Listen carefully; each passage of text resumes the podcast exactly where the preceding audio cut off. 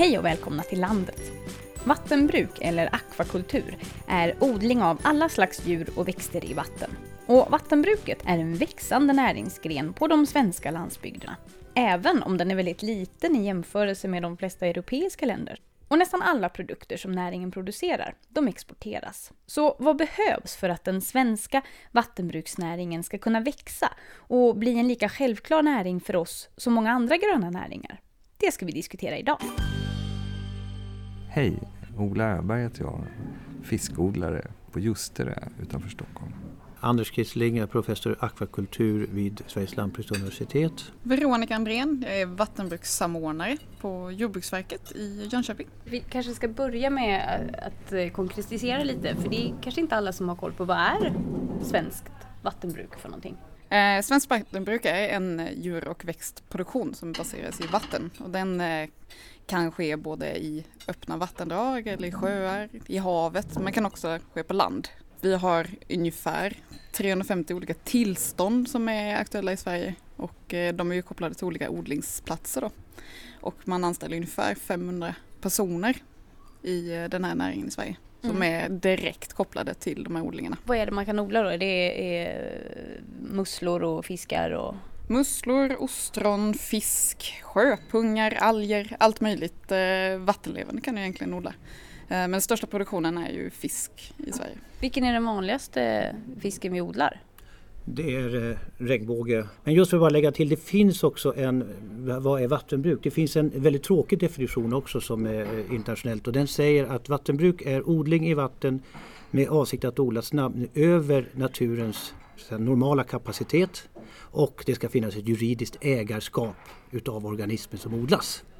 Där har du den tråkiga men, men officiella definitionen på vattenbruk. Mm. Jag odlar en fisk som jag äger och som växer snabbare än om den hade ja. vuxit naturligt. Ja. Och du som odlar själv, är det den här regnbågen som du odlar? Ja, det är regnbåge och det är gös. När det gäller regnbåge, den är ju väldigt lik laxen. Och laxen är ju den som dominerar svensk fiskmarknad. Och tack vare eller inte, men det är en lång tradition. Det är inte bara att norrmännen odlar mycket lax utan det är ju det att vi har ju en väldigt, väldigt lång tradition i Sverige att lax är en, en, en lyxprodukt. Det kommer ju från den tiden som eh, viltfångade laxen också. Så att svenskarna är uppvuxna med att röd fisk är något fint att äta. Men sen finns det då andra fiskarter där vi har fått problem även med, fisk, med fisket därför överfiskat. Och gös är ju en sådan art där det, där det finns ett väldigt intresse Ola. Det är jätteintressant att höra Ola. Hur upplever du just gösen i, som en man kan säga, ny odlingsart i Sverige? Problematiken är, är ju priset på gösen då, som svänger väldigt mycket. Den kan vara nere i 40 kronor kilot och den kan vara på 140 kronor kilot i grossistled. Och det beror på den vilda fångsten då i Sverige som är 500 ton kanske. Den fångas inte jämnt över året utan den, den, det blir väldigt stora fångster eh, vissa månader och då får alla väldigt mycket och då åker priset ner. Vi äter ju ganska mycket importerad fisk samtidigt som vi uppenbarligen exporterar. Eh, vi äter norsk fisk och så exporterar vi vår fisk till Finland och sådär. Men skulle Sverige egentligen kunna försörja vår egen befolkning med, med egen fisk och inte behöva köpa fisk från Kazakstan. Nu är jag ju lite emot det här att man ska liksom beskydda gränserna för mycket för det är klart vi måste ha utbyte. Men vi skulle säga så här, vi skulle kunna odla så vi var i balans med vad vi själva åt. Varav en del kommer exporteras och en del importeras. Men vi skulle kunna ha en betydligt högre självförsörjningsgrad. Vilket inte innebär att vi måste äta exakt vår egen fisk alltid. Så jag tycker det är ett ganska bra mål. Jag tycker det är egentligen det målet vi borde sätta upp som det nationella målet. Att vi borde vara i balans med vår egen konsumtion. Och jag som producent har en lite annan syn på det där då. Där jag ser att eh, vi i Sverige, vi producerar den bästa fisken i världen. Och det, det gäller ju livsmedel överhuvudtaget. Vi har miljö och vi har arbetsförhållanden, alla får lön och mammaledig och så vidare. Men vi importerar då massor med mat som inte är producerad på det här viset det jag brinner mest för nu det är att försöka få eh, den offentliga upphandlingen i Sverige som handlar om 3,5 miljoner måltider varje dag som handlas upp med skattepengar.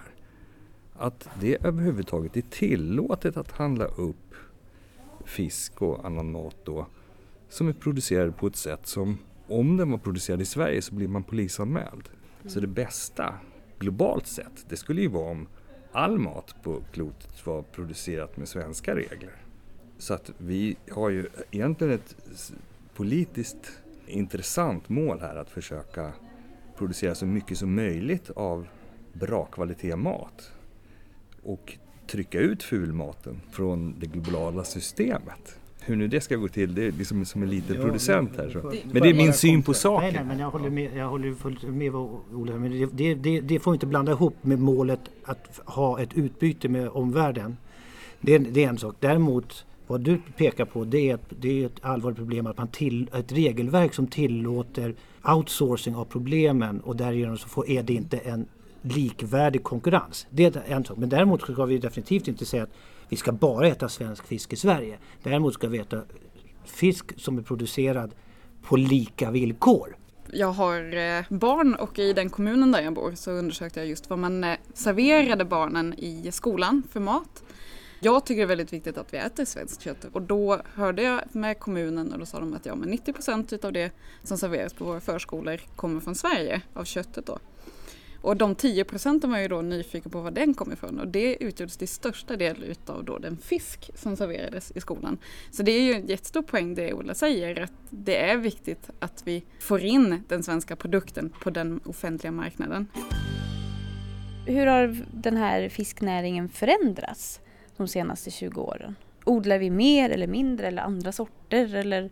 Det är väl så här att Sveriges eh, miljökrav har ju alltid legat i, i fronten. Då. Så att vi fick ju väldigt tidigt eh, hårda regler för, för att sköta oss och i och med det så försvann väldigt mycket av de som, som vilda västern eh, fiskodlingen då, som var på 80-talet eh, och, och, och 90-talet också. Eh, med, Medan i, i Norge så kunde den fortsätta för att de har legat lite efter. Eh, men eh, som det ser ut nu på 2000-talet så har ju norrmännen definitivt kommit ikapp och nu har de ju stenhårda regler. Men är det så, framförallt så, på miljösidan som, som näringen har förändrats? Miljösidan har varit en mycket starkt drivande faktor. Sjukdomar är den andra stora drivande faktorn som vi ser. Men det, det är någonting som drabbar då själva odlingen eh, mera än vad det drabbar omgivningen. Sen är det miljön, den är då dubbel. Det ena är att du måste ha vatten. Och det har då drivit en teknikutveckling mot att återanvända vattnet. Och det var det som var moden till det som Ola använde, nämligen så kallad recirkulerad odling där man återtar vattnet. Och det har det då i sin tur, allt eftersom man har fått det mer och mer intensivt, alltså mer kilo per, per enhet eh, odlad och mer och mer återanvändning så har man fått eh, liksom ta hand om de problem som blir när man, när man återanvänder. För när man producerar i, i vilket djur som helst så då bildas det ju koldioxid när du andas ut och det måste man ju då ta bort. Du måste få in syre så att man kan andas, det gäller ju oss själva också, det gäller vilket kostall som helst. Du måste få bort så att säga, gödslet från, från fisken och så vidare. Och det här har ju drivit en teknikutveckling som vi ser. Eh, vi är inte framme ännu. Första generationens Eh, utav så här recirkulerat system, den är ju på plats. Alltså vi kan göra det här idag. Eh, vi har fortfarande mycket att lära om vi ska göra det här i stor skala.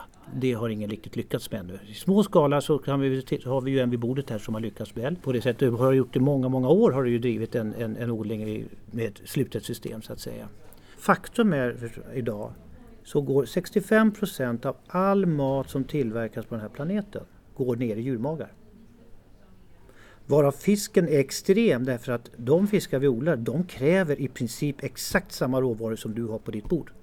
Därför att de är rovfiskar, de, är, de, de klarar helt enkelt av att äta andra saker.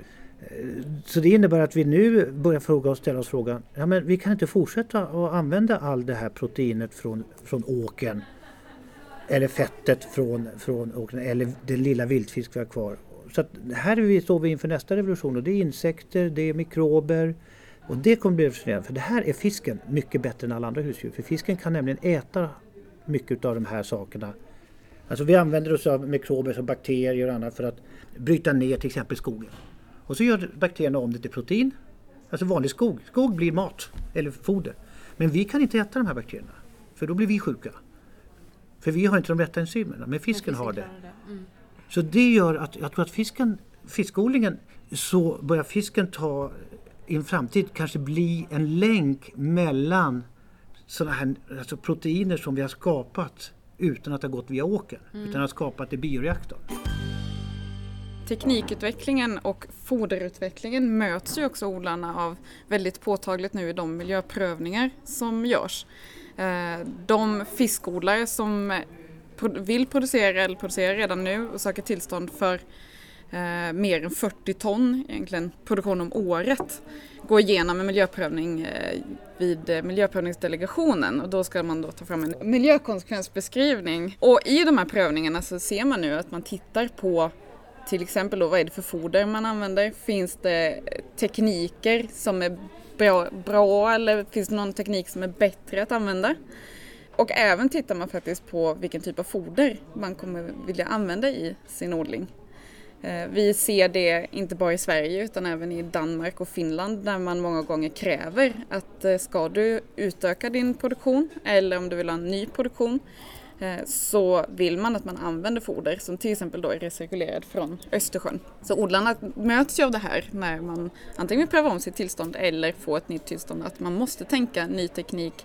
Är den tekniken jag avser att använda den bästa miljömässiga och den hållbara tekniken? Är den lokalen jag vill odla i, är den anpassad för den tekniken som jag tänker använda? Och liksom titta hela produktionsledet och då är det foder, det är teknik, det är liksom hela processen. Så det hänger ihop alltihop. Allt hänger ihop och det är ju också mycket miljökraven som har liksom tryckt näringen åt det här hållet. Men det är ju också viktigt att man tittar på miljöbalans då, eller som här cirkulärt tänk eh, och i vilken skala man gör det. För man kan ju titta på som en, en liten lokal skala där precis odlingen är, att man inte ska släppa ut någonting. Sen kan man ju tänka sig att man släpper ut lite grann men man plockar upp det någon annanstans. Då. Som exempelvis det här med Östersjö, Östersjön då, som ju är övergödd. Och nu, nu fiskas det en hel del eh, strömming, skarpsill, spigg som görs eh, fiskmjöl av och görs foder. Så att jag använder sånt foder nu då. Vilket gör att den, den gös som jag, och, och regnbåge som jag odlar den renar ju Östersjön vartefter den växer då. Eftersom den plockar upp näring i form av, av, av det fodret som den får. Då.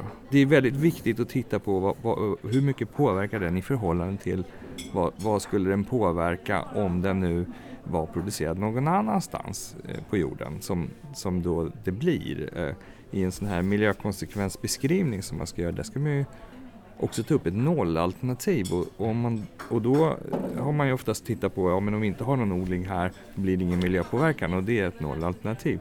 Men det är inte riktigt sant för att nollalternativet är ju också då att vi fortsätter att importera fisk som påverkar miljön någon annanstans och kanske väldigt mycket mer. Och det som Anders sa med att man, man på så sätt exporterar miljöproblemen. Då då är det ju faktiskt mer rakryggat att ha miljöproblemen på hemmaplan och sen eh, sakta jobba dem bättre och bättre. Då. Om man tittar på bara vad, hur producenterna i Sverige eh, hamnar globalt sett, då, då, då är vi, har vi världens bästa producenter. Jo, men det återför oss till det mål som du sa. Det ska, vi ska producera i balans på lika villkor. Ja. Mm, precis, nu landar vi där igen. Hur arbetar myndigheter och, och näringen då för att, eh, för att vi ska nå den svenska marknaden och utveckla näringen? Vi eh, har ju precis fått, eller Jordbruksverket har precis fått ett uppdrag av regeringen i och med den livsmedelsstrategi som eh, lanserades nu tidigare i år. Att eh, förverkliga de åtgärder som finns beskrivna i vår handlingsplan för utveckling av svenskt vattenbruk. Och det är en handlingsplan som vi har tagit fram tillsammans med näringen och med universiteten, med andra myndigheter och även andra intresseorganisationer som Naturskyddsföreningen till exempel. I den handlingsplanen finns flera åtgärder som syftar till att utveckla svenskt vattenbruk på eh, bred front. Alltså på flera olika sätt då? Eller? Oh ja, vi pratar marknadsföring, information och kunskapsinsatser, eh, avelsarbete och så vidare. Det finns elva olika åtgärder som är väldigt breda. Det vi kommer satsa på i första hand är ju projekt som är lite i pipeline. Vi tittar mycket på beräkning till, till exempel för eh, ämnesspridning och sådana här saker som har blivit väldigt aktuella nu med eh, att man synliggör miljöpåverkan då, den lokala miljöpåverkan.